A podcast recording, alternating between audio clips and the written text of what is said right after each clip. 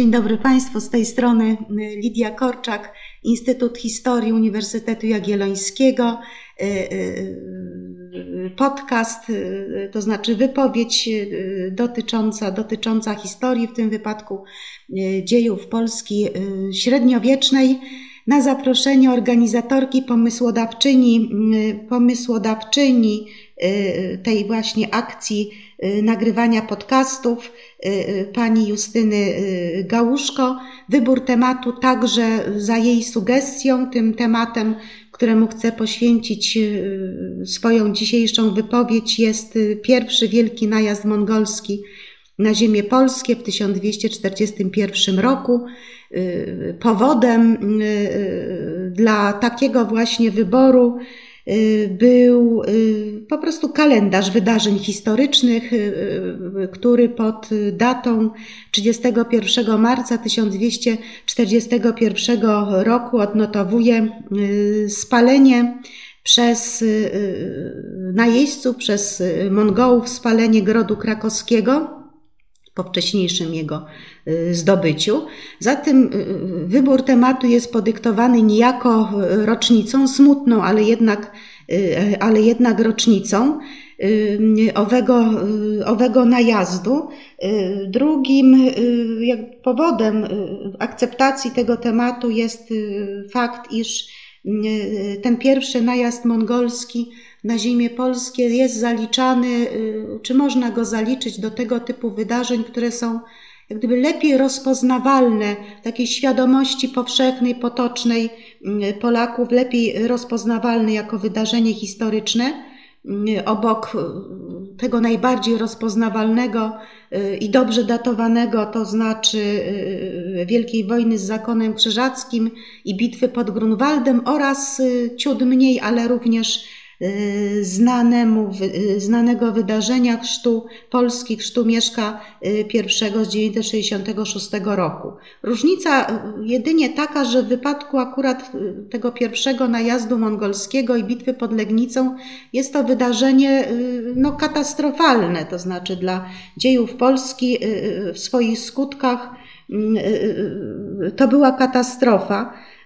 Najazd ten przyniósł i został zapamiętany jako klęska, y, wiąże się ze śmiercią, z pamięcią o śmierci władcy, y, z pamięcią o braku jedności y, ziem polskich wówczas, rozpadem państwa polskiego, no i wielkim zniszczeniem. Słowem kojarzy się najazd mongolski z wielką, z wielką dziejową katastrofą na szczęście, szczęśliwie dla Polski, choć skutki najazdu Tatarów, bo i tak, y, czy przede wszystkim pod taką, y, takim nazwą, taką nazwą w świecie zachodnim Mongołowie byli w średniowieczu znani.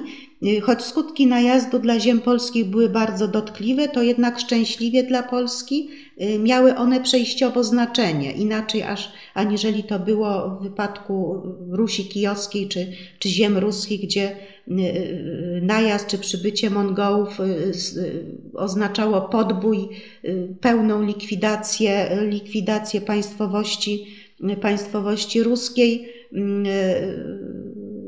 No i bardzo silny, silny wpływ na, na dalsze, y, i to raczej negatywny na dalsze y, dzieje.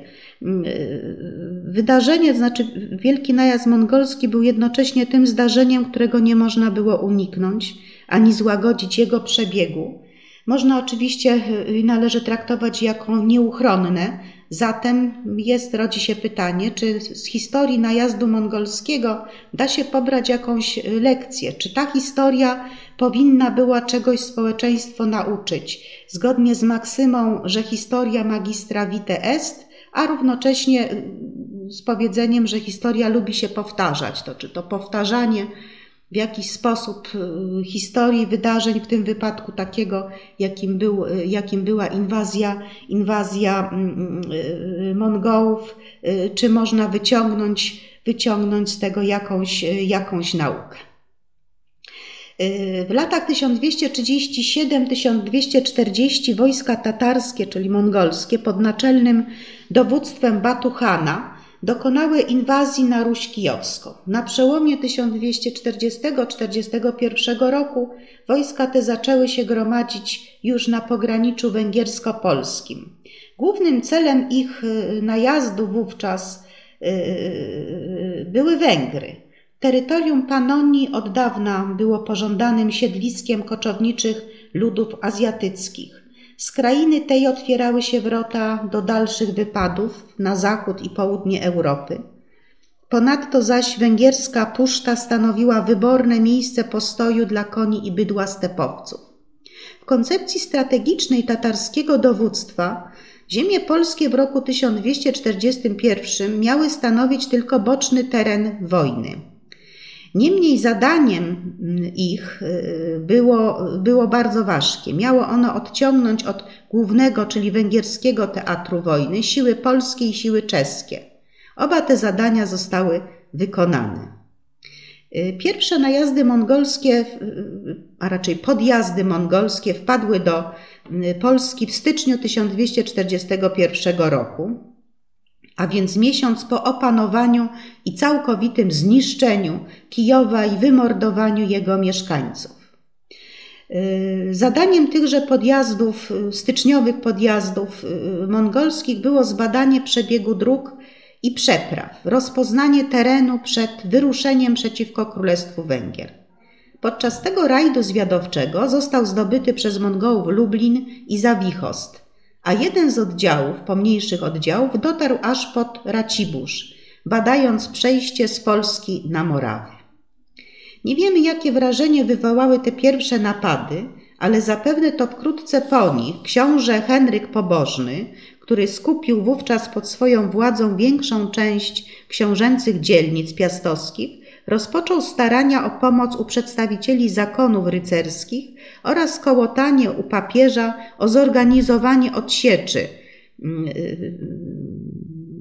W lutym tegoż roku 1241 Mongołowie pojawili się ponownie w ziemi sandomierskiej. Jej ówczesny władca, książę Bolesław Wstydliwy, zbiegł z młodziutką żoną, Kingą, na Węgry, a następnie na Morawy, nie troszcząc się o swoją y, dzielnicę. Sandomierz opuścił również wojewoda Pakosław Młodszy. Wojewoda wtedy, w tym czasie, to był y, y, najwyższy dostojnik, zastępujący między innymi monarchę w dowodzeniu wojskiem, odpowiedzialny za dowodzenie wojskiem. Podczas tego lutowego lutowej napaści y, Sandomierz padł łupem na jeźdźców, którzy swoim zwyczajem dokonali rzezi jego mieszkańców i okolicznego terenu. Tymczasem nie wiadomo, czy z własnej inicjatywy, czy też na rozkaz swojego zwierzchnika, swojego władcy, księcia Henryka Pobożnego, y, na odsiecz Sandomierzowi i Pakosławowi ruszył wojewoda krakowski Włodzimierz. I 13 lutego 1241 roku pod Wielkim Turskiem rycerze polscy po raz pierwszy stawili czoła nieznanemu dotychczas wrogowi. Pozorując swoją ucieczkę, Mongołowie wciągnęli oddział rycerstwa małopolskiego w zasadzkę i zadali Polakom wielkie straty. W połowie marca tegoż roku główne siły mongolskie z Batuhanem na czele stały już u granic Węgier, mm, e, wybierając e, drogę e, z Rusi na Węgry poprzez przełęcz urzocką. Jednocześnie inna, znacznie słabsza armia mongolska pod wodzą Pajdara znowu ruszyła na Polskę, czyli po raz trzeci, gdyby trzeci y, etap y, ataku najazdu mongolskiego y, na ziemię polskie. Po sforsowaniu Wisły pod Sandomierzem lub według niektórych historyków pod Sieciechowem, te wojska Pajdara ruszyły przez Iłże i Tarczek na Kraków. Wojewoda, Kozimierz, wojewoda krakowski y, Włodzimierz próbował stawić jej czoło pod Tarczkiem, a następnie pod Chmielnikiem i tutaj 18 marca 1241 roku rycerstwo małopolskie poniosło ciężką klęskę. Znaczna jego część, w tym wojewoda Włodzimierz i kasztelan krakowski Klemens z rodu Gryfitów, polegli na polu bitwy. Droga na Kraków stała otwarta. Jednocześnie y, y, w Polsce czy na ziemiach polskich operowały liczne inne, pomniejsze oddziały mongolskie. Jeden na przykład z nich pod wodzą Kajdu ruszył na północ y, w stronę Łęczycy i Kujaw, aby zatrzymać siły księcia Konrada Mazowieckiego i nie dopuścić do udzielenia przezeń pomocy Małopolanom. Inny oddział wypuścił się ponownie na Racibórz. Tym razem jednak wydarzyła się rzecz jak na ten najazd niezwykła. Energią odznaczył się mm, książę opolski, Mieszko zwany Otyłym. Przezwyciężając lęk przed nieznanym wrogiem, zaskoczył Mongołów przy przeprawie przez Odrę i zmusił ich do ucieczki. Pogoń za nimi y, książę Mieszko przerwał na wieść o klęsce Małopolan pod Chmielnikiem i zbliżaniu się armii Pajdara do Krakowa.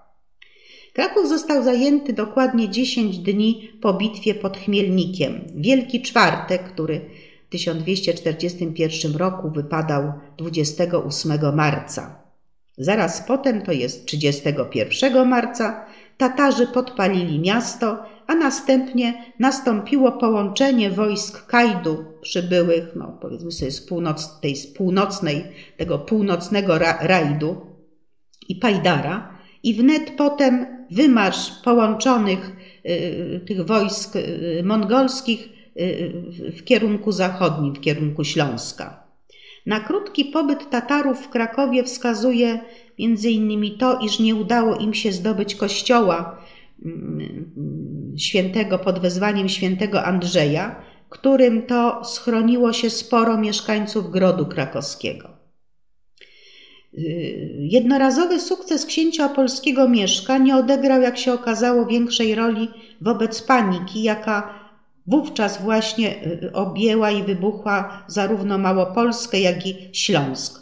Kraków dostał się w ręce najeźdźców bez oporu, bez stawienia oporu. Nie broniono również Wrocławia, który został spalony. Resztki rycerstwa krakowsko-sandomierskiego i Mieszko otyły z rycerstwem opolsko-raciborskim wycofały się na zachód, gdzie pod Legnicą y, książę Henryk Pobożny koncentrował swe wojska, czekając na pomoc z zachodu. Mimo, że wieść o tragicznych losach Rusi Kijowskiej i o wtargnięciu Mongołów na Węgry i do Polski oraz no, tym, jak okrutnie sobie Mongołowie poczynali y, w trakcie tego najazdu, mimo że te wieści szybko dotarły na zachód, nie wywołały żadnych skutków poza paniką wśród niższych warstw ludności, zwłaszcza ludności miejskiej. Walka cesarza Fryderyka II Hohenstaufa z papiestwem zaprzątała wówczas niemal całą uwagę ówczesnych książąt i królów. Wprawdzie sam cesarz Fryderyk II zdaje się trafnie oceniał niebezpieczeństwo ze strony pogańskich barbarzyńców i w listach malował je w jaskrawych barwach, ale jego wrogowie w Europie ocenili to jako nowy wybieg chytrego władcy w jego walce z papiestwem. Posiłków natomiast dostarczyły Henrykowi Pobożnemu zakony rycerskie, templariusze i krzyżacy. Rycerze zakonni przybyli na początku kwietnia na Śląsk, prowadząc ze sobą nieco ochotników spośród rycerstwa głównie niemieckiego. Nie przybył jednak żaden z sąsiadów, którzy przecież również stali w obliczu najazdu mongolskiego.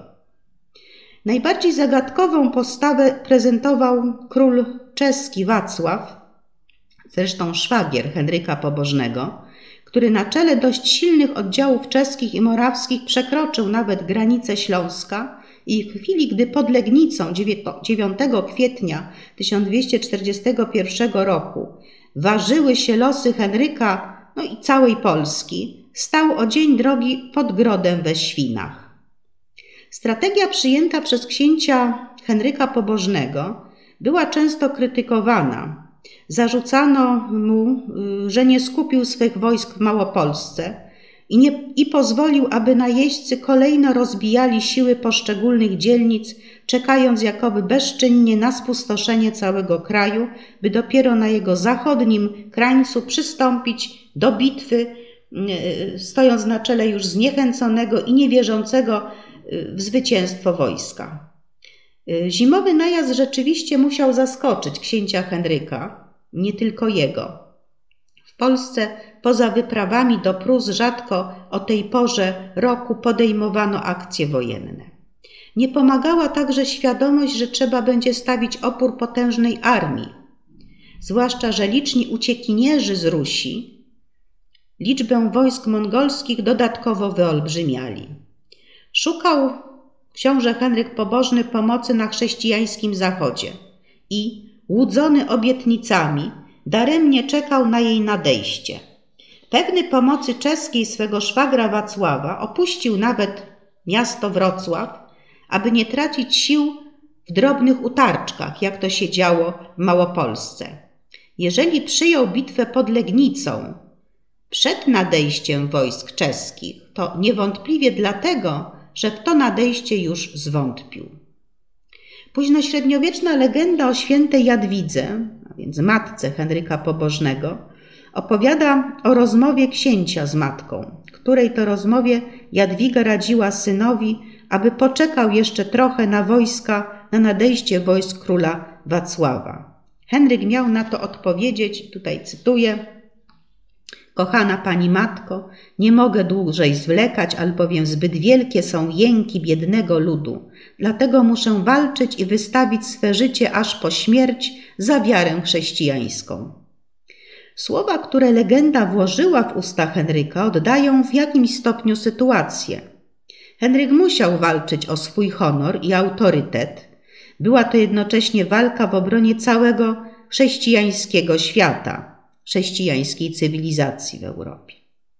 9 kwietnia 1241 roku losy Henryka i jego monarchii dopełniły się na polach legnickich. Towarzyszyli mu rycerze z wszystkich podległych mu dzielnic, nawet niedobitki Sandomierzan. Przybył Mieszko Opolski otoczony nimbem jedynego jak dotąd zwycięzcy Mongołów. Murem przy swoim księciu stanęli rycerze śląscy – ale także nowi mieszkańcy tej ziemi, osadnicy, wśród których odznaczyli się bitni górnicy ze Złotoryi. Swój obowiązek spełnili templariusze i krzyżacy.